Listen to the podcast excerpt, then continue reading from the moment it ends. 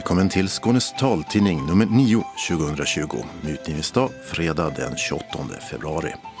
Solen gick upp 7.02 i morse och går ner igen 17.38. I studion Mats Sundling och Birgitta Fredén och tekniker är Martin Holmström. Och det här är innehållet. 85-årig kvinna dog efter färdtjänstresa i Malmö. Chauffören misstänkt för brott. Kan en vit käpp vara farlig? Ja, från i maj kräver i alla fall en ny EU-lag omfattande dokumentering på att hjälpmedel inte är en risk. I synhjälpmedelsbranschen är oron stor för att kostnaderna mångdubblas och att kraven ska knäcka dem. Sortimentet kommer att minska och det som är kvar kommer att bli eh, mångfalt dyrare. Lagen handlar mest om medicinsk utrustning, men den gäller också hjälpmedel, säger tillsynsmyndigheten.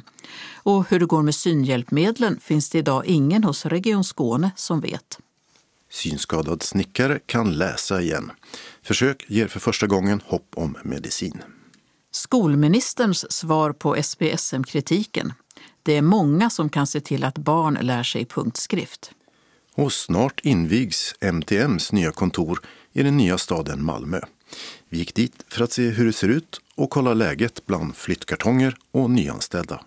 Just nu går jag igenom ehm, förslagslådan där biblioteken lämnar förslag på böcker som ska läsas in.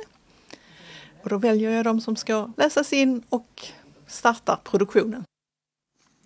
MTM har svackor efter flytten men det är bra att de nu är på plats. Det säger SRF-ordföranden efter sitt första besök. Kvinna opererades för gråstarr men fick fel lins och sämre syn. Öppnat och stängt med barnbibbla och badhotell. Månadens talbokstips de kommer från Malmö och bjuder på mörka familjehemligheter. Vi har en annons om arbetsmarknadsutbildning. Och evenemangstips på det med syntolkad film och taktil arkitektur. Kalendern innehåller primärval och kvinnodag. Anslagstavlan så, med meddelanden och ändringar i kollektivtrafiken. Idag bara med en gemensam och lokal del. Och allra sist redaktionsrutan. En 85-årig kvinna dog efter att ha rest med färdtjänsten i Malmö. Chauffören är nu misstänkt för vållande till annans död. Kvinnan var i höstas på väg till sjukhus för att få sin hand undersökt. I anslutning till sjuktransporten föll hon så illa att hon dog. På grund av åldern var hon mer sårbar för fall och det var därför hon hade sjuktransport, säger kammaråklagaren Lisa Åberg till Sydsvenskan. Färdtjänstchauffören är nu skäligen misstänkt för brott, alltså den lägre misstankegraden. Han ska nu förhöras om hur han har skött sjuktransporten och förneka brott enligt försvarsadvokaten. Synhjälpmedelsbranschen i Sverige är orolig för framtiden. Den 26 maj trädde nämligen en ny EU-lag om medicinsk-tekniska hjälpmedel i kraft. Och om de många kraven i den ställs på till exempel vita käppar och Daisy-spelare kommer hjälpmedlen mångdubblas i pris eller försvinna. Och många företag i branschen riskerar slås ut. Det säger Jörgen Andersén, ordförande för Svensk syn, som organiserar företag som arbetar med synhjälpmedel. Jag tror att det är många av våra medlemmars existens som står på spel om man driver det här till sin spets.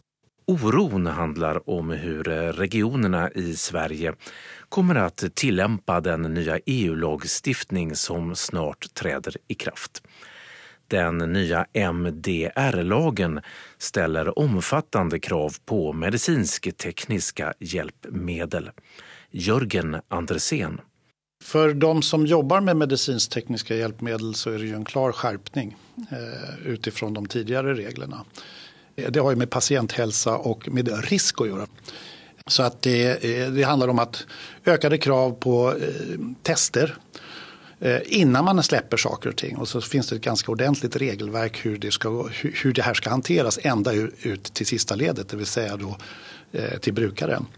Svensk Syn välkomnar lagen. Vi tyckte den här lagen är bra för vi ser att det är en massa produkter som kommer ut på marknaden som måste styras upp och man, man, måste kontrollera dem på ett väldigt tydligt sätt och även att man kan fånga upp om det är något problem att man kan snabbt komma till rätta med vem är det som äger produkten, kan du ta den från marknaden och så vidare. Det råder ingen diskussion om att den nya lagen omfattar hjälpmedel som talande blodsockermätare som har en tydlig medicinsk tillämpning. Frågan är om de nya hårdare kraven också kommer att ställas på andra typer av hjälpmedel som markeringskäppar. Jörgen Andersén. Från Svensk Syns eh, sida så hävdar vi ju med bestämdhet att merparten av de produkter som finns eh, för eh, synskadade är inte medicinstekniska hjälpmedel. Ta till exempel om vi pratar om en taktil klocka eller en Daisy-spelare eller kanske en markeringskäpp så har vi lite svårt att se vad har det för koppling till patienthälsa och risk. Eh, det, det är liksom inte ett medicinskt tekniskt hjälpmedel på det sättet.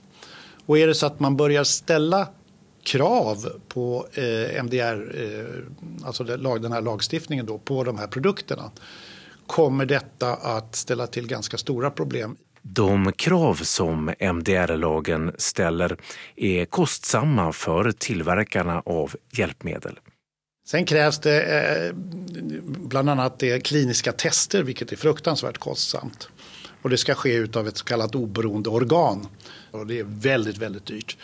Eh, man ska ha eh, special, alltså personal med specialkompetens anställda eller knutna via, via, via eh, avtal eh, och du har en ganska ordentlig bibba med dokumentationer kring det medicintekniska och riskanalyser och liknande saker eh, som kommer att, eh, tror vi, knäcka framförallt många av de mindre tillverkarna som är lejonparten av de som levererar faktiskt hjälpmedel.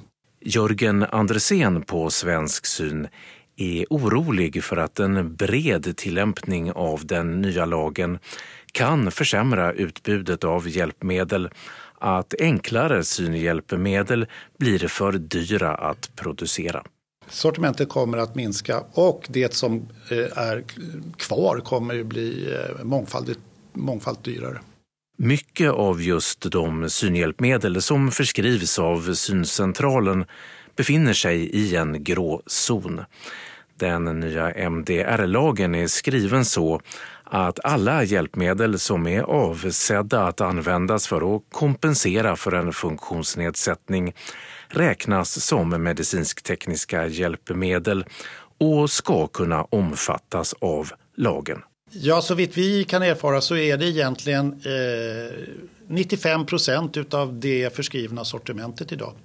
Alltså allt ifrån läs-tv till eh, punktdisplayer, punktskrivare, Eh, eh, mjukvaror, talande klocka, Daisy-spelare, käppar, eh, talande termometrar. Ja, I stort sett allt. Samtidigt är det så att Region Stockholm och andra regioner i Sverige kan välja att antingen enbart upphandla hjälpmedel som uppfyller MDR-lagens krav eller att också upphandla hjälpmedel som inte uppfyller kraven. Det handlar i slutändan om vilka krav regionerna ställer i sina upphandlingar. Absolut, jag menar det, kunden, är, kunden har ju rätt att ställa de krav de vill ställa på produkterna. Däremot är vi, vi som branschorganisation måste ju också flagga för vilka konsekvenser kan det eventuellt bli om man sätter så höga krav så att man om man ska vara lite drastisk, egentligen slår ut ett stort antal av de här ganska specialiserade och relativt små tillverkarna. Jörgen Andresen företräder hjälpmedelsföretagen som har ett tydligt intresse av att förhindra att den nya lagen skadar branschen. Det har tidigare inte spelat någon större roll om hjälpmedel betraktas som medicinsk-tekniska eller inte. Den nya lagen tvingar fram en tydlig gränsdragning när regionerna gör sina upphandlingar i framtiden. Absolut. Jag menar den nya lagen tvingar fram ett ställningstagare för eh, köpande och säljande part. Att vi åtminstone har en samsyn över, pratar, ser vår värld likadan ut? Tolkar vi det här på ett likartat sätt? För annars kan, kan det här få enorma påföljder, framförallt för brukaren som står längst, längst ut i den här kedjan som då ska få de här hjälpmedlen. Eh, ett generellt införande av MDR på, på hjälpmedel för synskadade kommer vara, medföra en dramatisk försämring. Det sa Jörgen Andersén, ordförande för branschorganisationen Svensk syn. Lagen träder alltså i kraft den 26 maj i år. Reporter var Johan Rosengren från taltidningen Läns och Riksnytt. Men kan då hjälpmedel för personer med synnedsättning undantas från den nya EU-lagens krav utvärdering och riskanalys? Nej, lagen gäller alla hjälpmedel. Det säger Helena Djojic på Läkemedelsverket. Alltså den myndighet som ska se till att reglerna följs.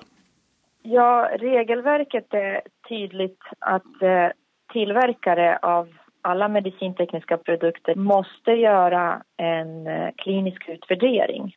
Och eh, klinisk utvärdering innebär att man Eh, tittar på vilka data finns det som stödjer att produkten kan användas på ett säkert sätt och att den uppnår den prestanda och det syfte som produkten är avsedd för. Så att man måste göra en sån utvärdering för alla produkter. Sen finns det ju frågan om man behöver göra egna kliniska prövningar. Men det är lite olika för olika typer av produkter. Man kan ju tycka att till exempel sådana här hjälpmedel då enkla för synskadade inte direkt innebär några risker för patienterna. Det är något som eh, tillverkaren ska göra en bedömning eh, kring. Tillverkaren känner till sin produkt bäst och känner till användargruppen bäst och måste ta hänsyn till inte bara normal användning utan även förutsedd felanvändning. Särskilt eh, produkter som används av konsument, patient som använder i hemmamiljö för egen, egen bruk så måste man ta hänsyn till användarens förmåga att förstå hur produkten ska användas. Och användarens förmåga att, att hitta på felaktigheter? Det med, absolut. Enligt Helena Djojic på Läkemedelsverket måste regioner och kommuner kräva att hjälpmedel som upphandlas är utvärderade och testade. Region Skåne har nyligen avslutat upphandlingar av de flesta synskadehjälpmedlen och anser att nuvarande regler gäller så länge avtalen löper. Men det är inte självklart, säger Helena Djojic. För det finns lite olika regler hur länge man får tillhandahålla produkter enligt gammal lagstiftning och när det är förbjudet. Så en, en upphandling som löper, så att säga, ett avtal som löper, det är inte säkert att att man får leverera eller dela ut hjälpmedel som är upphandlade då enligt ett avtal som löper ett år framåt i tiden. Min rekommendation är att man ser över sina avtal och säkerställer eh, att eh, leverantören kan uppfylla det avtalet som man har. Vad kommer då att hända med hjälpmedlen för personer med synnedsättning i Region Skåne när den nya lagen träder i kraft? Skånes taltidning har ställt frågan till många olika personer inom hjälpmedelsverksamheten och syncentralen, men ingen har velat ställa upp på en intervju. Jenny Gudmundsson, sortiments och avtalsledare för synhjälpmedel på Regionservice, skriver i ett mejl att hon inte kan svara eftersom Region Skåne inte kommit så långt kring hur man ska hantera de frågeställningar som uppkommit i och med den nya lagen. En lag som varit känd länge, säger Helena Djojic på Läkemedelsverket. Ja, lagstiftningen har vi arbetat med sedan 2012 och sen 2017 så är den publicerad och eh, offentlig. Från Läkemedelsverkets sida så har vi eh, försökt att nå ut med information till så många som möjligt och vi fortsätter att sprida information genom olika kanaler, nyhetsbrev, vår webb, eh, olika seminarier, olika kongresser vi deltar som talare. Trots det så vet jag att det kan för vissa ändå kanske komma som en överraskning att man ändå missat. Så min uppmaning är ju att eh, alla som, eh, som lyssnar på det här sprider informationen om vikten att läsa in sig och eh, fundera vad det här innebär för ens verksamhet.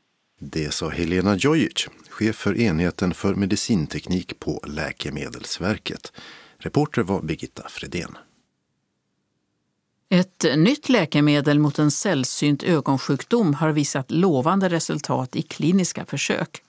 Och den blinde snickaren Dean Scott har fått tillbaka så mycket syn att han för första gången på 15 år kan läsa igen. Det rapporterar det kanadensiska public service-bolaget CBC.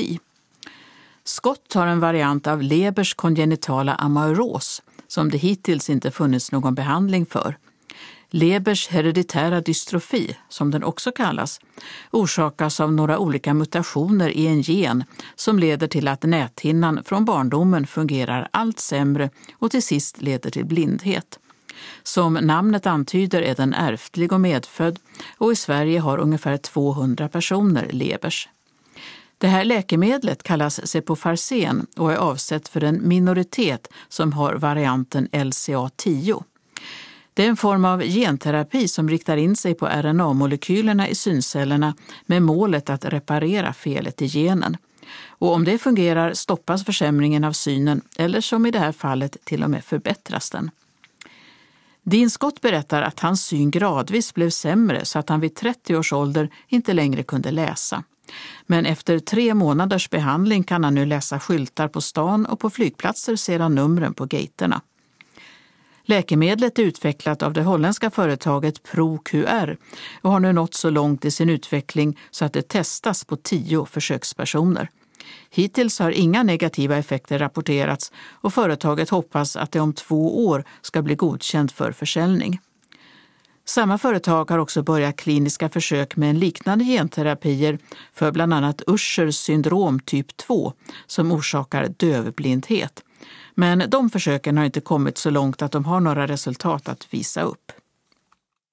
Vems ansvar är det att barn och unga med grav synnedsättning får kunskaper i punktskrift? Ja, den frågan ställde Liberalernas skolpolitiska talesman Roger Haddad till utbildningsminister Anna Ekström häromveckan. Bakgrunden var att Specialpedagogiska skolmyndigheten, SPSM, bestämt sig för att sluta med punktskriftskurser för skolelever. Föräldrakurserna skulle fortsätta men föräldrarna skulle inte längre få ersättning för resa och uppehälle. SPSM har sedan backat och kommer att fortsätta med kurserna tills vidare. Men Haddad vill ändå veta vad regeringen kommer att göra för att se till att punktskriftsundervisningen inte försämras. Och utbildningsminister Anna Ekström svarade förra veckan att SPSM ska fortsätta utbilda lärare, personal och föräldrar till barn med synnedsättningar. Föräldrakurserna kan komma att bli mer digitaliserade och även hållas lokalt. Anna Ekström påpekar att det är många aktörer som har ansvar för att punktskriftsundervisningen inte försämras. Myndigheten för tillgängliga medier, MTM, ska se till att det finns punktskrift att tillgå. Syncentralerna har ansvar för rehabilitering med bland annat kurser i punktskrift och SPSM ska samverka med syncentraler och habiliteringar. Ett utvecklingsarbete har påbörjats för att inventera vem som gör vad, dra tydliga gränser mellan de olika uppdragen och utveckla samverkan, svarar ministern. Och Skolverket och Socialstyrelsen ska också förbättra samverkan mellan elevhälsa, hälso och sjukvård och socialtjänst. Anna Ekström kommer att följa det arbetet, liksom SPSMs arbete med kompetensutveckling för elever med synnedsättning, avslutar hon sitt svar. Punktskrift, talböcker och taltidningar. Ja, Myndigheten för tillgängliga medier, MTM, gör mycket för att främja läsning för den som inte ser. För två år sedan kom beskedet att myndigheten skulle flytta från Stockholm till Malmö och sedan dess har de flesta anställda slutat, något vi berättat om tidigare. Men nu har myndigheten flyttat färdigt och finns i ett nytt hus med ny personal. Vi tog oss dit för en titt och en koll på läget. Nu huserar MTM ett stenkast från hamnen och kajen där de gamla Köpenhamnsbåtarna en gång i tiden gick till och från. Ett stenkast bort på andra sidan vattnet ligger också Malmö universitets gröna lokal Orkanen. MTMs hus är vitt, högt, 12 våningar och mycket smalt. Bara kanske en 5-6 meter tjockt i den högre delen. Framför finns en lite lägre del av byggnaden. Och så hiss till plan 8 där MTM huserar. Plan 8.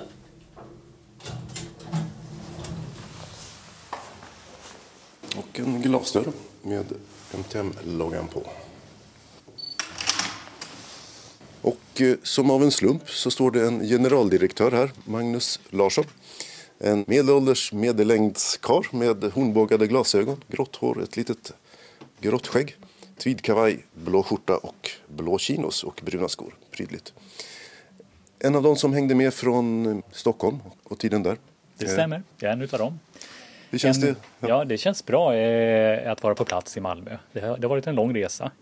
Det har tagit två år men nu är vi här och eh, det känns bra. Det är roligt att vara på plats med nya medarbetare, nya friska tag. Eh, det låter och känns som att vi kommer att få en bra verksamhet här. Och nya lokaler här i Nyhamnen i Malmö. Ett helt, eller snarare två våningsplan med heltäckande mattor eh, som dämpar ljudet. Du får gärna visa. Det gör jag Ska gärna. vi ta en titt Absolut. Vi, vi och se vad ni har? Vi kan börja med att titta lite grann här. Det kan vara lite intressant. Vi försöker jobba lite med taktila uttryck och här har vi faktiskt på väggarna äkta mossa eh, som går att känna på. Det är små fyrkantiga bitar av mossa som sitter uppe på den här väggen. Och tanken är väl att det ska dels vara en eh, prydnad eh, men också att eh, eh, mossan ska tjäna som någon form utav eh, indikator på inomhusklimatet. Eh, Den eh, mår bra och lever så länge det är korrekt luftfuktighet och värme här. Och blir det inte det så, så vissnar mossan helt enkelt. Så det är en liten rolig eh, eh, trivsam eh, detalj kan jag tycka som var helt ny för mig. Taktilt minsann. Ja. Så är det. Eh, Och i övrigt så har vi här inrett våra nya lokaler som ju är i grunden i ett hus då från 1957, det så kallade Bylgahuset i den inre hamnen. Vi har inrett det utifrån att vi ska arbeta aktivitetsbaserat. Det betyder att eh, man får söka sin plats för dagen utifrån den arbetsuppgift man har också just för dagen och med de kollegor du behöver samverka och samarbeta med. Och här framme ser vi en, en medarbetare, Hillevi. En medarbetare som Skånes taltidnings läsare kanske känner igen som talbokstipsare på Malmö stadsbibliotek. råkar vi stöta på precis här. Eh, Ja, vad gör du här idag? Eh, Just nu eh, går jag igenom eh, förslagslådan där biblioteken lämnar förslag på böcker som ska läsas in. Och då väljer jag de som ska läsas in och startar produktionen så att säga. Rekryterad från Malmö stadsbibliotek för att göra, ja, inte helt olika saker då. Och man får ju säga att du har en jättetjusig utsikt om du vrider huvudet till vänster här över hamnen och silos och Tysklandsfärjan som ligger några hundra meter bort. Kanske. Ja, det är någon sån här bilfärjegrej tror jag. Vatten, hav och himmel. Så det räcker och blir över. Ja, det är ju utsikten och ljuset är ju en av de stora fördelarna i den här lokalerna. Ja, vi tackar. Tack så mycket. Just det. Ja, men eh, det vill jag verkligen stämma in i. Miljön är luftig och ljus och eh, vi har utsikt såväl mot havet som in mot Malmö. På andra sidan av våra lokaler så ser vi Malmö eh, tydligt och det är eh, ungefär fem minuters eh, promenadavstånd till eh, Malmö centralstation. Man ser centralen från fönstret här, det är ett par hundra meter bort. Det gör man, Och absolut. hela järnvägsområdet breder ut sig Så är det. motorvägar och annat. Ja. Imponerande utsikt. Ja, men det är väldigt trivsamt och trevligt. Vi passerar nu eh, olika typer av rum där vi har eh, möjligheter till lite mer koncentrerat arbete. Och nu kommer vi in i vår matsal, får vi kalla det för, och också samlingsrum där vi har möten tillsammans hela myndigheten. Eh, jag tror att vi har plats för 100 personer i de här lokalerna just. För tillfället är vi ju inte mer än 70 eh, och det är utifrån att vi tänker oss en grundbemanning i, i plats på Malmö som vi sedan kan anpassa efter de behoven vi ser här längre framöver. Nu har vi gått förbi ett antal personer som sitter och knappar på sina datorer. Ni var ungefär 100 personer för några år sedan på MTM. Sen kom flyttbeskedet och så har 10 av de 100 bestämt sig för att flytta hit. Det är ett stort kompetenstapp. Hur har ni hanterat det? Absolut, ja men så är det, det måste man säga. Eh, vi har ju funnits som myndighet sedan 1980 när vår verksamhet gick över från eh, Synskadades riksförbund och det blev en statlig verksamhet. Eh, och det är klart att eh, myndigheten har arbetat upp mycket kompetens över de åren och kompetens finns ju hos medarbetare och framförallt mellan medarbetare. Eh, och det innebär ju ett stort tapp för verksamheten, så är det. Det vi har gjort är att ha gjort en löpande kompetensöverföring så långt vi nu har klarat av det genom att redan när vi var kvar i Stockholm rekrytera nya medarbetare från Malmö och Skåneregionen för att möjliggöra en kompetensöverföring. Och idag har vi ju eh, lyckats rekrytera många nya och eh, fantastiskt duktiga medarbetare i Malmö. Men det är klart att det är en utmaning och det blir någon form av svacka i kompetensen. Men vi har alla förutsättningar för att hämta igen det över tid. Det är jag helt övertygad om. Det som är tydligast eh, är väl att vi har gått ner något i vår produktion av talböcker, skönlitterära talböcker. Men det är ändå så att vi har upprätthållit en relativt hög produktion. Eh, det handlar om tusentals producerade titlar per år och vi ligger fortfarande högt där. Eh, och jag tror och hoppas att det här inte behöver bli någon längre nedgång i verksamheten. Andra verksamheter som har påverkats? Ja, men jag skulle säga att det utåtriktade arbetet har ju satts eh, lite på vänt. Att vara ute och eh, marknadsföra, saluföra oss och, och nya användare har ju inte varit det som vi har kunnat eller eh, haft möjlighet att prioritera. Utan vi har fokuserat på våra befintliga användare. Eh, så det är också en verksamhet som vi måste bli bättre på för vi ser ju att det finns många i våra målgrupper som inte har tillgång eh, till våra tjänster, till exempel Legimus.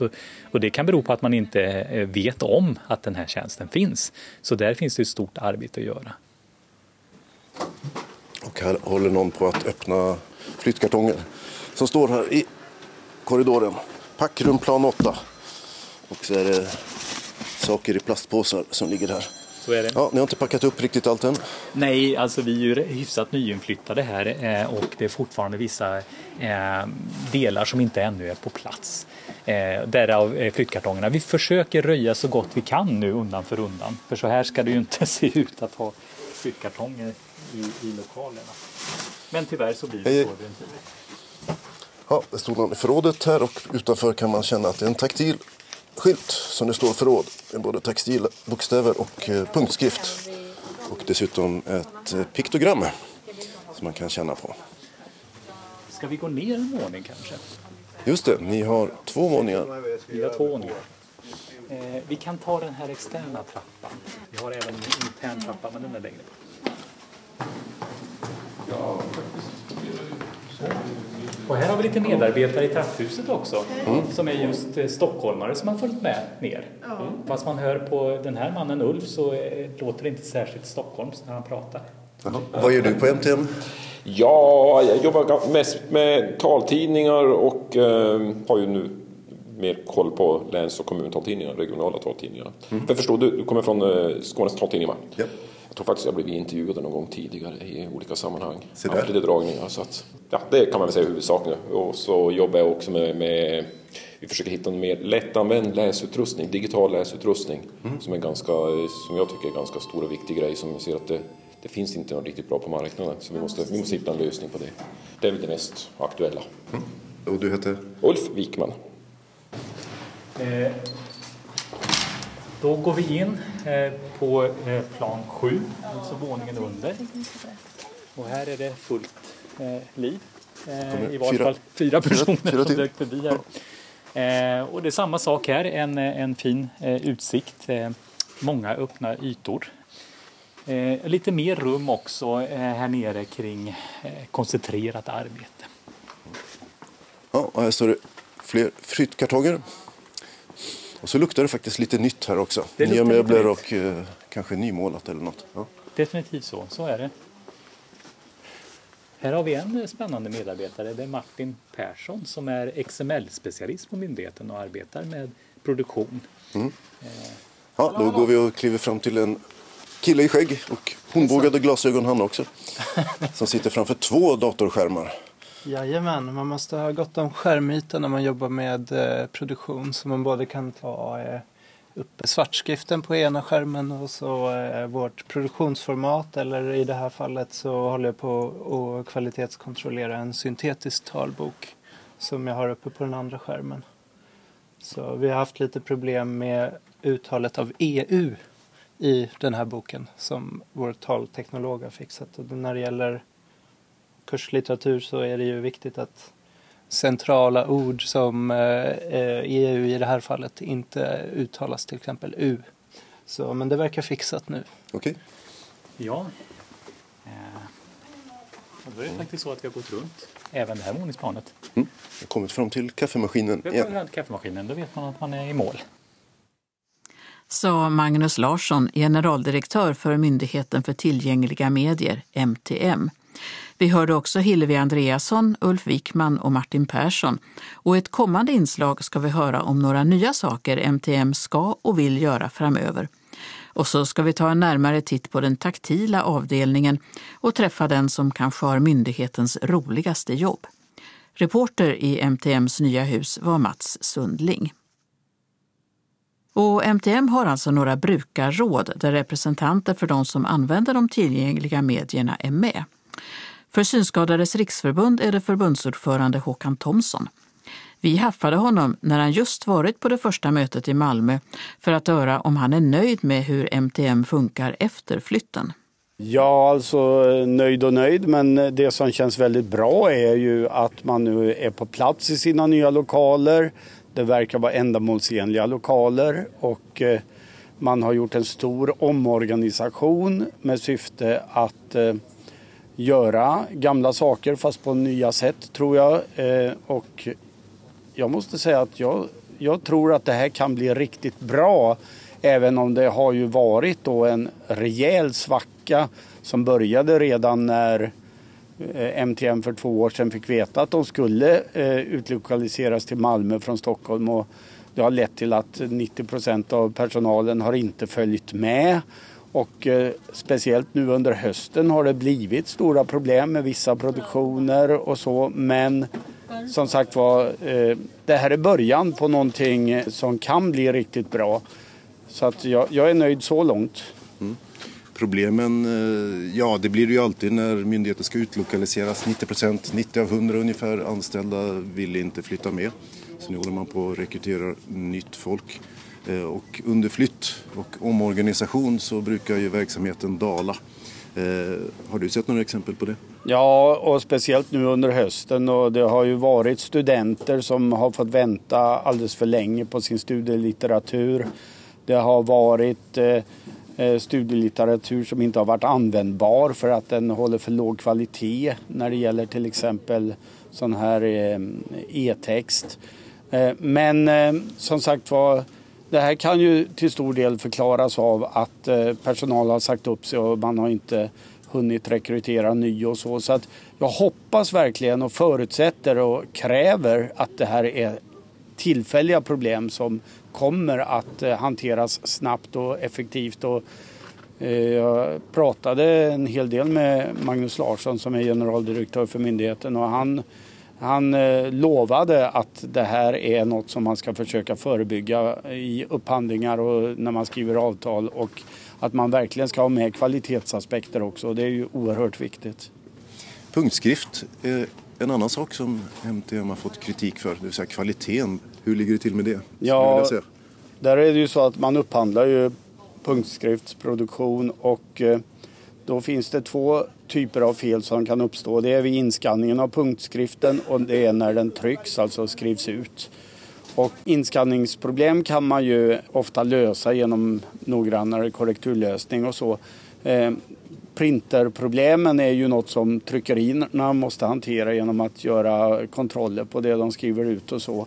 Och där har ju MTM ett ansvar att, att i upphandlingar och avtal kräva att det ska göras ordentlig kontroll av det som skrivs ut. Så att det är så man kan hantera det. Och det är väldigt viktigt att eh, brukarorganisationerna får komma in tidigt innan upphandlingsunderlagen är klara så att vi kan se att sådana här saker finns med.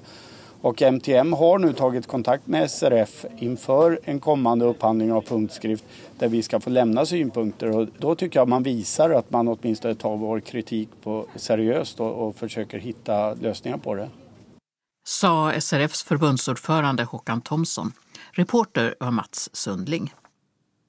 En kvinna som opererades för grå starr vid en klinik i Ängelholm fick fel lins inopererad. Nu måste hon använda glasögon och kliniken har fått kritik från Inspektionen för vård och omsorg, IVO. I grå starr eller kataraktoperationer byter man ut den grumliga linsen i ögat mot en konstgjord och synen brukar genast bli bättre. Men här sattes en annan patients lins in. Och det berodde på att de inte märkte upp resultatet från undersökningen med patientens identitet, vilket ledde till en förväxling, skriver IVO i sitt beslut. Efter den misslyckade operationen har kliniken ändrat i sina rutiner för dokumentation och med det har IVO avslutat ärendet. Öppnat och stängt. Simrishamns bibliotek inviger sin nya barnavdelning nu på lördag den 29 februari. Den är för de allra yngsta besökarna och eftersom det är ett modernt bibliotek finns det mycket att klättra på och undersöka, med lite böcker därtill. Och i Simrishamn har Glada Räkans bakficka öppnat ett stenkast från sommarrestaurangen Glada Räkan. Adressen är Hamngatan 7 och en halv trappa ner där det tidigare funnits en thai-restaurang. I Vitemölla, någon kilometer utanför Kivik, kommer det anrika badhotellet att hålla stängt även under 2020. Anledningen är renovering och utveckling av hotellet enligt ägarna. I Malmö har det gamla Stinshuset vid gamla Västra station öppnat igen, nu med företaget Travel Shop som driver turistbyrå. Huset är från 1800-talet och slutade användas på 50-talet när Malmö C blev slutstation för Ystad-tågen. Det plockades ner när Malmö Live byggdes och har nu byggts upp en bit bort på adressen Neptuniagatan 20. I Malmö har restaurangen The White Oak öppnat på Drottninggatan 1 i Big Bowls tidigare lokaler. Här serveras både lunch och middag. Inriktningen är framförallt barbecue. I Malmö har vintagebutiken Red Susie öppnat på Storgatan 39 i hörnet till David Hallsgatan. Och där säljs bättre begagnade kläder, mest för damer. I Skåne Tranås har ett nytt matställe öppnat. Tiosken heter vägköket som ligger vid väg 19 som går rakt igenom samhället. Öppettiderna är vardagar mellan 11 och 18. Och i Abbekås har en ny gårdsbutik öppnat. Holms Hage heter den och har adressen Kustvägen 10. Öppettiderna fram till påsk då man kommer att ha öppet längre. Fredag 12 till 18 och lördag och söndag 11 till 16. Familjers mörka hemligheter är ett huvudtema i februari månads talbokstips som innehåller flera böcker från våra nordiska grannländer. Katter och ormar spelar också en viktig roll, åtminstone i en bok. Vi ska till Malmö stadsbibliotek där Kajsa Viktorin och Maria Sandelin tar oss med till ett litet rum på bottenvåningen som är viktigt för många talbokslåntagare. Och det är Maria som börjar. Vi befinner oss i det vi kallar talboksrummet här på stadsbiblioteket. Det är det här vi sitter när vi tar emot telefonbeställningar på talböcker. Vi är omringade av dator, telefon och fodral för skivor. Ja, precis. Och sen så har vi brännaren också där vi tillverkar skivorna. Det ser ut som en mikrovågsugn kanske det liknar lite grann. Och vilka böcker har du? Vad börjar du med? Eh, jag tänkte börja med Vera av eh, Ann Svärd som mest handlar om Veras mor, en ung kvinna vid namn Sandrin. En vindlande historia om mörka hemligheter på ett vackert och poetiskt språk. I början av boken är det december 1945 och Sandrin ska strax gifta in sig i överklassfamiljen Seder. Bara sju månader tidigare har hon kommit till Sverige från krigets Europa, gravid med ett barn som hon inte vill ha. Mannen hon ska gifta sig med heter Ivan och är kvinnoläkare. Ingen av dem är förälskad i den andra. Sagobröllopet på en snötäckt ö i Stockholms skärgård blir dramatiskt när förlossningen sätter igång och barnet föds i förtid. Dottern Vera tas om hand av hushållerskan i familjen och själv vill Sandrin knappt se sitt barn. I många år lever hon sen som en drogad och sysslolös hustru i detta resonemangsäktenskap som för Ivans del av allt att döma är en fasad för att dölja hans homosexualitet. I bakåtblickar får läsaren lära känna Sandrins historia som börjar i en fransk hamnstad med mamma, mormor och två systrar och fortsätter i en polsk bergsby där mamman är verksam inom motståndsrörelsen. I byn blir Sandrin förälskad i judiske Levi, något som kommer att bli ödesdigert.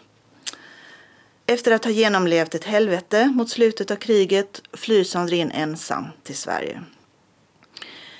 Det finns mycket mörker i den här boken, men mot slutet ljusnar det, precis som det österlenska landskap där Sandrin till slut landar. Romanen är lite av en saga, men också en relationsroman, en psykologisk roman och en historisk roman, samtidigt som det är en väldigt spännande berättelse där hemligheterna avslöjas efterhand. Och den här boken finns som talbok med text och på punktskrift. Inläsare är Karin Ödqvist och tiden är 10 timmar och 34 minuter. Och det här är en roman av en tämligen nybliven akademiledamot.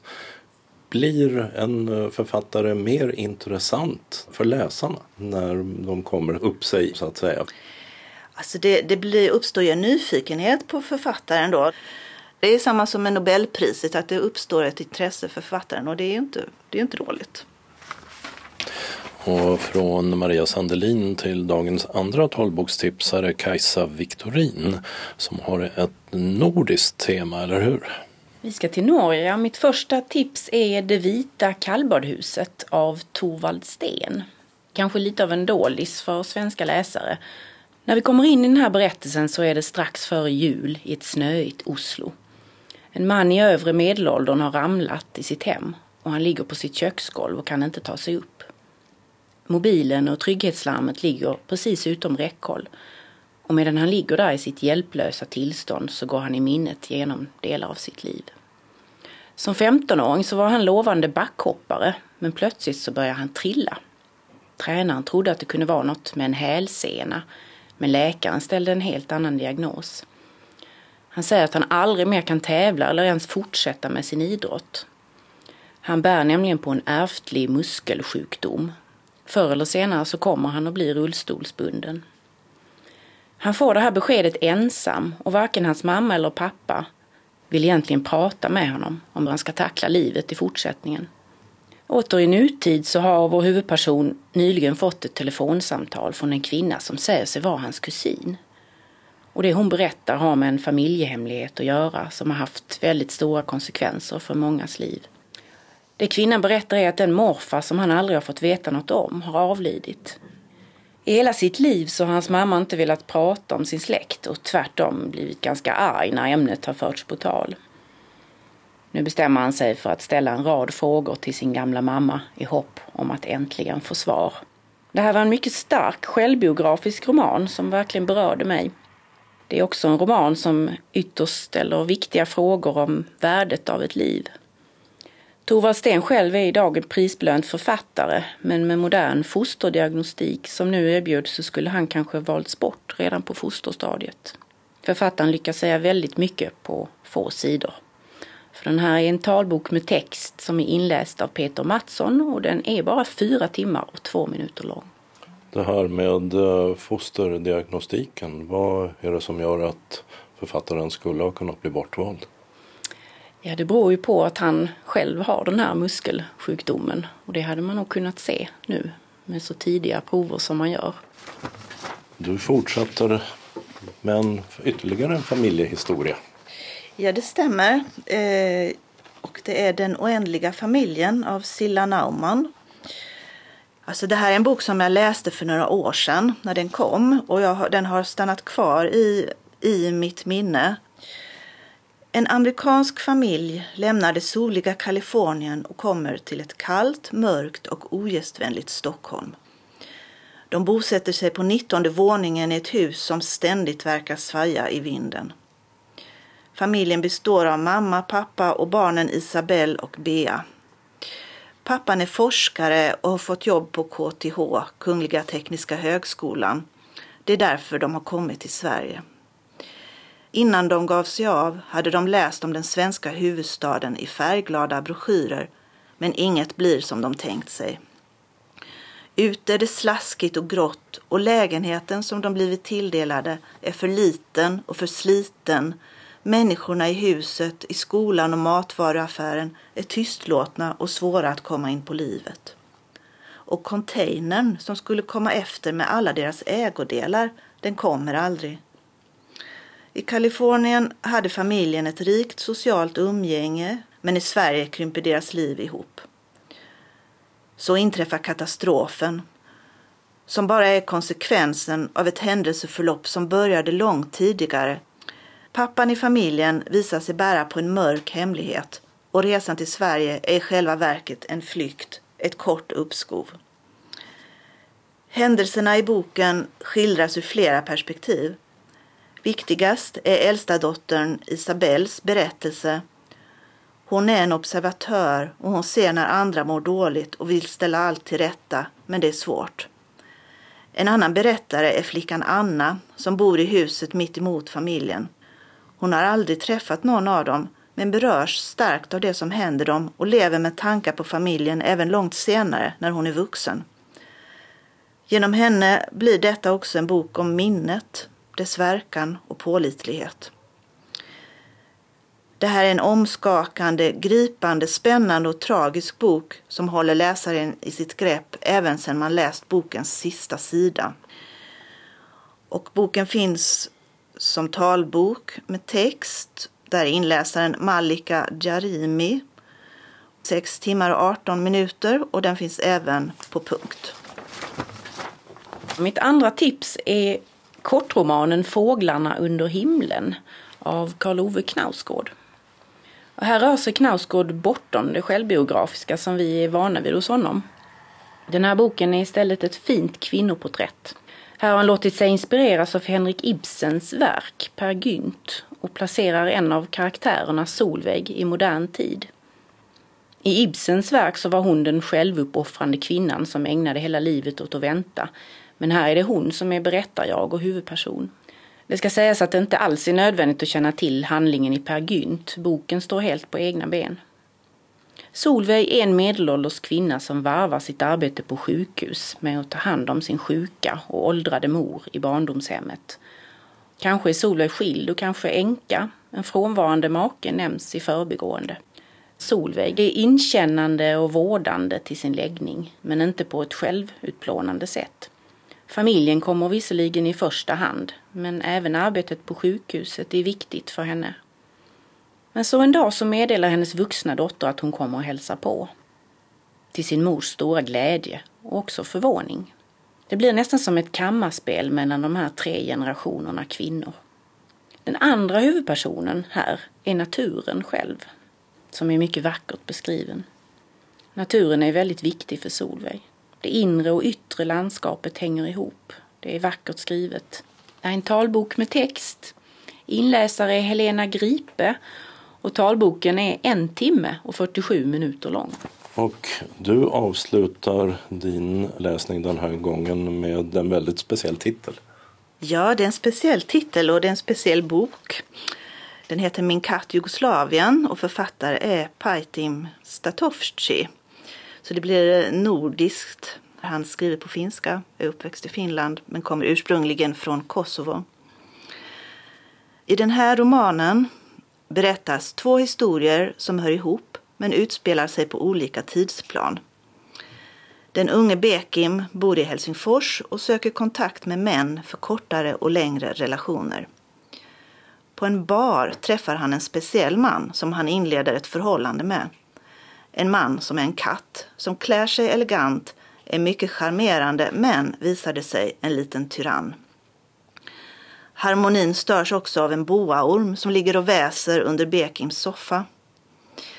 Den andra berättelsen handlar om Bekims mor Emine och börjar i hemlandet Kosovo på 1980-talet innan de jugoslaviska krigen bryter ut. Emine var en gång ung och drömde om frihet men en dag när hon är 17 år och sitter på en sten vid en vägkant får hon lift med en vacker ung man, Bayram, som snart friar.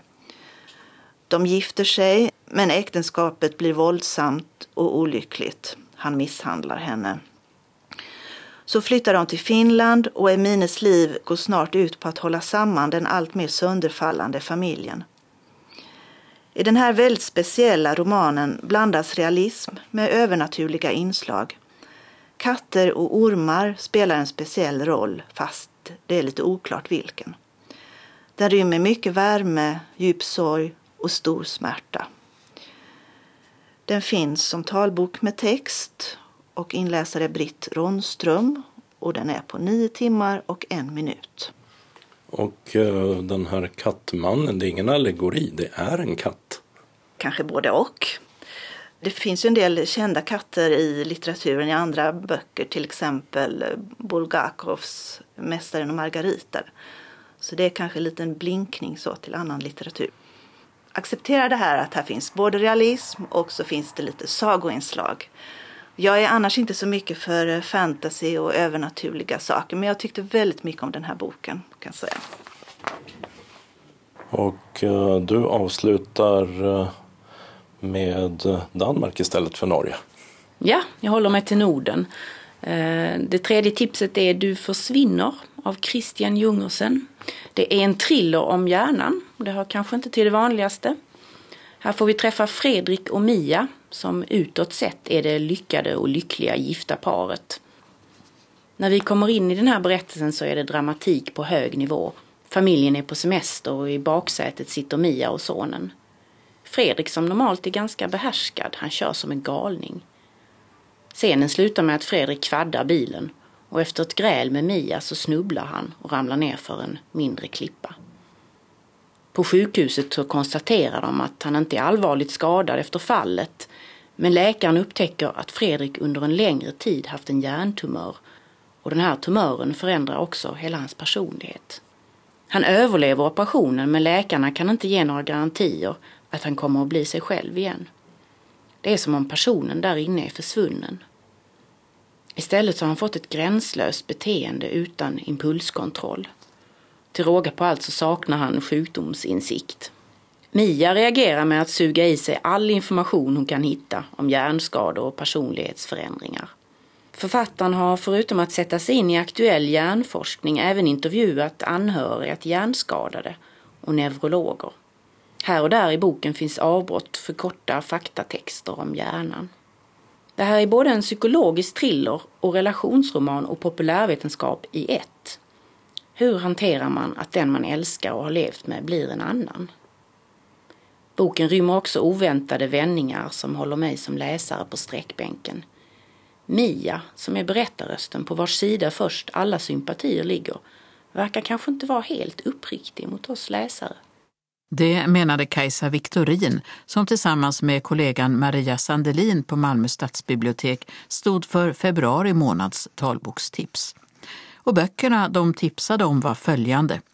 Du försvinner av Christian Jungersen.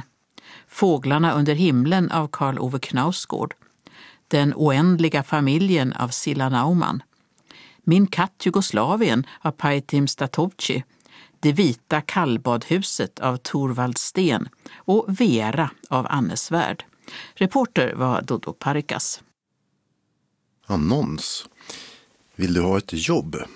Föreningen Blindas väl har sedan 1883 verkat för att stärka synskadades möjligheter till egen försörjning. Är du studerande eller arbetssökande och synskadad och vill satsa på din personliga kompetensutveckling med målet att få ett bra jobb? Blindas väl planerar att i höst erbjuda en arbetsmarknadsförberedande utbildning för yngre synskadade med syfte att få dig att växa som individ och utveckla dina färdigheter i ditt jobbsökande och framtida arbetsliv. Erbjudandet riktar sig till dig som har en färdig eftergymnasial utbildning eller som nästan är färdig. Starten planeras till hösten 2020 och tidsomfattningen är två helger samt eget arbete någon timma i veckan däremellan. Sista ansökningsdag är den 22 mars 2020. Läs mer om hur du ansöker, innehåll, kostnader och behörighetskriterier på föreningen Blindas väls hemsida blindasval.se. Evenemangstipsen börjar med nya syntolkade filmer.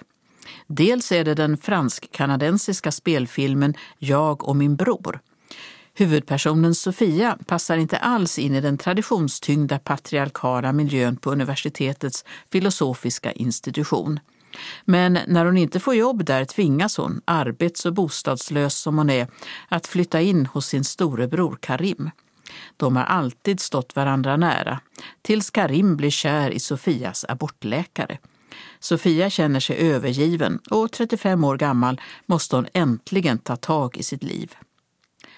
Och så är det en dokumentärfilm från 2019 om den tongivande amerikanske koreografen och danskompaniledaren Merce Cunningham som har premiär den 3 april, någon vecka innan det gått 100 år sedan hans födelse. I filmen har även många av Cunninghams koreografier återskapats. Och dokumentären heter kort och gott Cunningham – Bägge filmerna har syntolkning och uppläst text för bio och åtminstone Cunningham har också syntolkning och uppläst text för tv och strömmande format och de finns i de vanliga apparna. Mera syntolkning. I Utbildningsradion URs nya tv-serie Seniorsurfarna lär sig äldre kändisar ny digital teknik. Marianne Mörk, Björn Hellberg, Claes Malmberg och Eva Fröling tar sig an olika uppgifter. Från att skicka e-post söka uppgifter på internet till att använda sig av BankID. De första två avsnitten har sänts och finns bara på hemsidan urplay.se. Där hamnar också de återstående avsnitten efter de syntolkade sändningarna. Köpa och sälja med telefonen sänds den 5 mars. Appar för både nytta och nöje den 12 mars. Sociala medier för ett socialare liv den 19. Och avslutningsvis examensdags den 26 mars. Alla sändningarna går klockan 21 i SVT 24 i tablå-tv då. Bastionen är en kulturlokal på Norra Vallgatan 28 nära Centralen i Malmö. På Bastionen spelas för närvarande nyskrivna musikuppsättningar av olika slag. Musikaler, musikdramatik med mera. Ikväll fredagen den 28 och imorgon den 29 februari klockan 19 till 20.05 samt 29 februari och 1 mars klockan 16 till 17.05 ges den samhällskritiska musikalen Smitning med Samsa musikteater. 24 timmar på ett stygn är en musikal i modemiljö och den spelas 5, 6 och 7 mars klockan 19 till 20.30. Det är inte syntolkade föreställningar och Kulturcentralen säljer biljetter. Imorgon lördag den 29 februari omkring 12.30 invigs en ny utställning med taktila modeller av en rad Malmöbyggnader som ska underlätta för synskadade att ta del av hur stans hus ser ut. Modeller av Stadsbiblioteket, Sankt Johannes kyrka, Turning Torso och ytterligare tio hus ställs ut i Malmö på Form och Design Center på Lilla Torg 9 inne på gården. Öppettiderna är 11 till 17 tisdag till lördag, söndagar 12 till 16. Utställningen som heter Taktil arkitektur pågår till den 5 april. Och sen flyttar den vidare till Malmö stadsbibliotek där den finns mellan 22 april och 17 maj. En något förkortad version av Skånes taltidnings reportage om Stadsbyggnadskontorets arbete med taktila husmodeller ingår i utställningen. I löpsedeln på vår hemsida hittar du en länk till reportaget.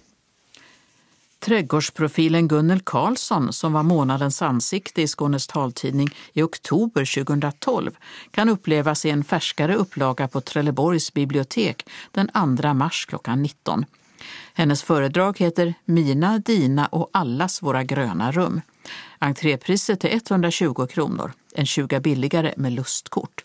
Förhandsbokning kan göras på biblioteket eller via deras telefon 0410 73 31 80. Den 9 mars infaller världsnjurdagen. Mellan 17.30 och 20 blir det därför en föreläsning om njursjukdom i jubileumsaulan på Skånes universitetssjukhus i Malmö med adressen Jan Waldenströmsgata 1. Programmet 17.30 är rubriken Vad gör njurarna? 17.55 njurtransplantation. 18.45 blir det paus med frukt och vatten. 19.05 njurarna och blodtrycket. 19.40 till 20 aktuell njurforskning. Det är fri entré och ingen föranmälan. Ta tåget genom historien, samtiden och in i framtiden uppmanar författaren Per J Andersson som föreläser i Blå salongen på Hässleholms kulturhus onsdagen den 18 mars klockan 19-20. Andersson är grundare av resetidningen Vagabond. Ta tåget är hans nya bok om just tåg, från bullrande fridstörare till klimatsmart. Han ger också tips på tågresor i Europa och resten av världen. Biljetterna kostar 60 kronor och Ta tåget finns inläst som talbok. Den 22 mars mellan klockan 16 och 17.40 ger Maurits Agnas ensemble en konsert kallad Quattro, detta i Kulturhusets röda salong. Maurits Agnas är kontrabasist, men även blåsare och andra musiker medverkar. Musiken spänner mellan barock och jazz. Biljetterna kostar från 170 till 195 kronor. För första gången syntolkas en rad av filmerna på BUFF, alltså Barn och ungdomsfilmfestivalen i Malmö, som i år äger rum den 21 till 27 mars på en rad platser i stan. Syntolkningarna sker på biograf Panora på adressen Frisgatan 19D. Biljettbokningen har börjat och filmerna är följande. Away, en lettisk tecknad film utan tal. Efter ett flyghaveri färdas en pojke på motorcykel över en mystisk ö tillsammans med en fågel. De jagas av något stort, tyst och mörkt. Den här filmen rekommenderas från nio år och syntolkas av Emelie Stjernfeldt den 21 mars mellan klockan 13 och 14.15 i salong 3 på Panora. Sen visas Cocoon, en tysk långfilm 14-åriga Nora bor i Berlin med sin syster och mamma som sällan visar intresse för döttrarna. När Nora bryter armen och inte kan följa med sin klass på resa hamnar hon en tid i systerns klass. Där går också Romy, en tjej som Nora förälskar sig i. Efteråt blir frågestund med regissören på tyska och eller engelska. Syntolkningen är av Claes Gylling och sker den 23 mars 14.30 i salong 3. Den här filmen rekommenderas från 15 år. Sen Running to the Sky, en kirgisisk långfilm på ryska. 12-åriga Jekshen är bäst i byn på att springa. Pappan är alkoholiserad och Jekshen drömmer om att mamman ska komma hem. Vännerna övertalar pojken att ställa upp i en löpartävling som kan vara chansen till ett bättre liv. Syntolkning och uppläst textremsa den 26 mars 10.15 till 11.50 i salong 1 rekommenderas från nio år. Sen också Los Lobos, en mexikansk långfilm om Max och Leo som precis kommit till USA från Mexiko med sin mamma. Och hon kämpar med livet som papperslös immigrant. Barnen de tillbringar dagarna med att rita och drömma om Disneyland. Syntolkning av Claes Gylling den 26 mars 12.30 till 14.20 i salong 1. Rekommenderas från 12 år. Och till sist Bori, en sydkoreansk långfilm. 11-åriga Bori är den enda i familjen som kan höra och ibland känner hon sig utanför. Efter en festival tappar hon bort sin familj. Därefter känner Bori ännu starkare för att vara som resten av familjen och bestämmer sig för att låtsas vara döv hon också. Syntolkning och uppläst textremsa den 27 mars 9.30 till 11.25 i salong 1 och den filmen rekommenderas från åtta år. Samling sker inför alla filmerna 20 minuter innan föreställningen för information och utdelning av lurar. Och biljetter och lurar bokas via syntolkning nu. Telefon 031 360 84 45 eller e-postadressen boka syntolkning.nu. Söderslätts musikkår ger en konsert i Sankt Nikolai kyrka i Trelleborg den 29 mars klockan 16 och det är fri entré. Den spanska koreografen Marina Mascarells nya dansföreställning Second Landscape som har premiär den 21 mars på Skånes dansteater i Malmö syntolkas den 29 mars av Gunilla Kracht. Introduktionen startar klockan 15 och själva föreställningen klockan 16 och tillsammans med de nio dansarna utforskar och ifrågasätter koreografen vår relation till bilder. Gränserna mellan kropp och bild upplöses och dansarna blir ett med en väv av bilder som omsluter oss. Boka biljetter och syntolkning via e-post dialog skanesdansteater.se eller på telefon 040 10 84 71. Lurar delas ut på plats. För sjätte året i rad arrangeras en bluesfest på Skillinge Teaters kaféscen långfredagen den 10 april och påskafton 11 april. Musiken börjar klockan 18 bägge dagarna och man utlovar en natt där bluesen flödar, pumpar och gungar sig ut i vårnatten. På scenen står husbandet Big Easy och de har bjudit in Blue Sisters och Roland Gotte Gottlov. Restaurangen erbjuder både mat och dryck och Tixter säljer biljetter som kostar 295 kronor. Skådespelaren Anna-Lena Hemströms pjäs Som ett jävla solsken bygger på Fatima Brenners biografi om den på senare år mycket uppmärksammade journalisten Ester Blenda Nordström som avled 1948. Den 23 april klockan 19 spelar Hemström föreställningen på Teaterhallen i Tomelilla. För information om biljetter kan man ringa 0708 66 52 44. Kalendern för årets tionde vecka tar sin början måndagen den 2 mars då Erna och Ernst har namnsdag. Ledamöter från riksdagens utrikesutskott och försvarsutskott är i den kroatiska huvudstaden Zagreb för en tvådagars konferens om EUs utrikes-, säkerhets och försvarspolitik. För Israels premiärminister Benjamin Netanyahu står mycket på spel denna dag när Israel går till val. En korruptionsrättegång mot honom startar den 17 mars.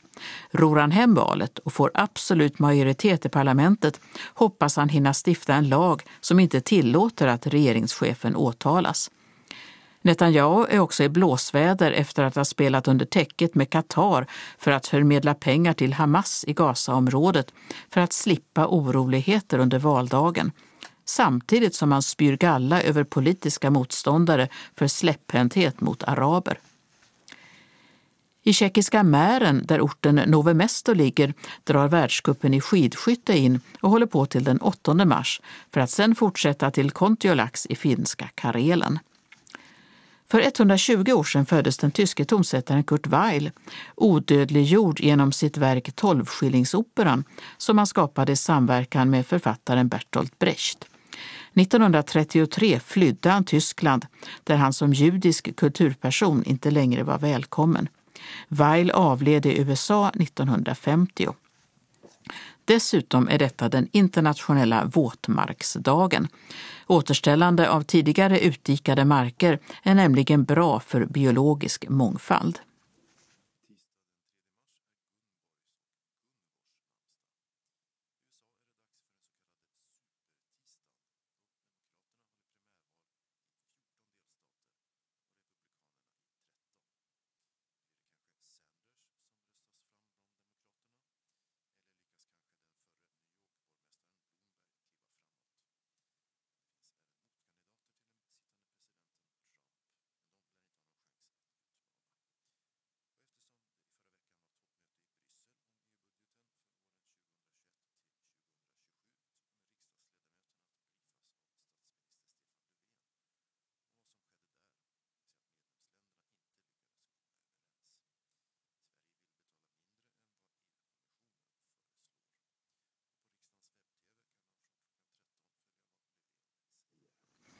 Onsdagen den 4 mars firar Adriana och Adrian namnsdag.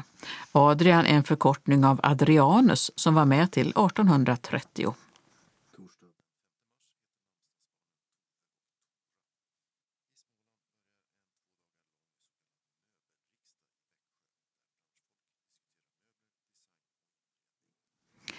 Fredagen den 6 mars är Ebbes och Ebbas namnsdag. Sverige och Chile möts i en kvalmatch till slutspelet i Davis Cup i tennis. Och i Kristianstad Arena startar de 20 nordiska mästerskapen i rytmisk gymnastik. För 170 år sedan föddes författaren Victoria Benediktsson i byn Domme utanför Fru Alstad i Trelleborgstrakten. Hennes böcker, som utgavs under pseudonymen Ernst Ahlgren, läses fortfarande och finns i talboksform. Men hennes liv slutade med självmord efter en olycklig kärlekshistoria med den danske författaren Georg Brandes. Denne gjorde ner Benediktssons författarskap, som idag ibland anses mäta sig med Strindbergs.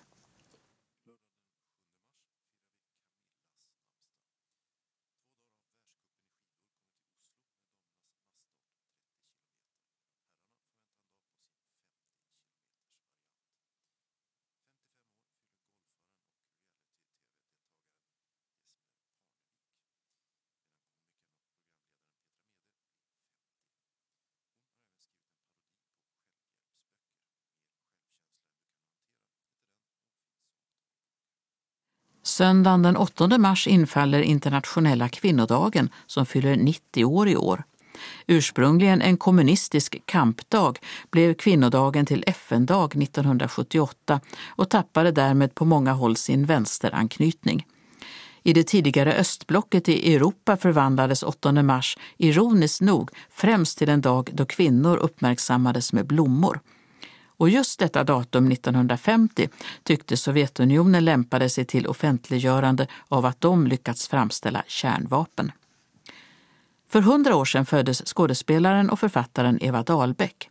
Hennes första bok kom 1963 under pseudonym. Den sista, kallad Sökarljus, utgavs 1999. Av Dahlbecks 14 böcker finns åtta inlästa som talböcker. Hon gick bort 2008. Och det är Siv och Saga som har namnsdag. Anslagstavlan bjuder idag bara på lokala meddelanden och den är gemensam för hela Skåne. SRF Helsingborg Höganäs har först ett par inbjudningar och en årsmöteskallelse. På tisdag den 3 mars har vi träff i föreningens lokal på Vaktgatan 3 i Helsingborg. Mellan klockan 14 och 16 föreläser Ulrik Alm och det blir umgänge och fika för 30 kronor. Anmäl dig till kansliet på telefon 15 83 93 eller via e-post till info.srf.hbg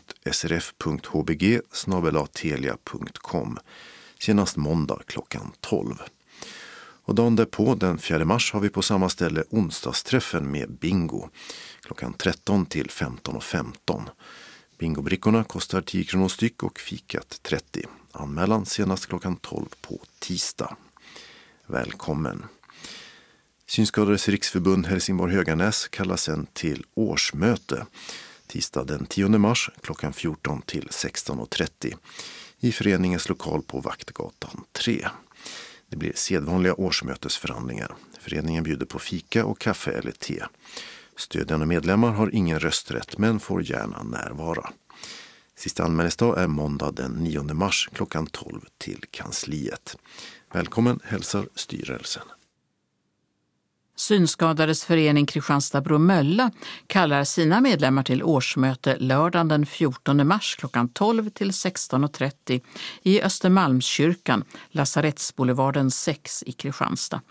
Vi börjar med årsmötesförhandlingar och efter det, klockan 14, äter vi en måltid med varmrätt och en kopp kaffe efteråt. Anmäl deltagande senast fredagen den 6 mars till TINA 070 635 41 14. Varmt välkomna hälsar styrelsen. SRF Lundabygden bjuder först in till SRF-träff fredag den 6 mars mellan klockan 14 och 16. Vi ska till Historiska museet vid Lunds universitet och en testvisning med 3D-modeller. Samling sker utanför domkyrkans stora ingång där Conny tar hand om er och går till museet. Adressen är Kyrkogatan 6 i Lund. Ingen avgift. Anmälan senast 4 mars till föreningens kansli. Telefon 046-211 0674. eller e-post srfkansli.lundabygden bredband.net. SRF Lundabygden har också en kulturafton onsdag den 11 mars.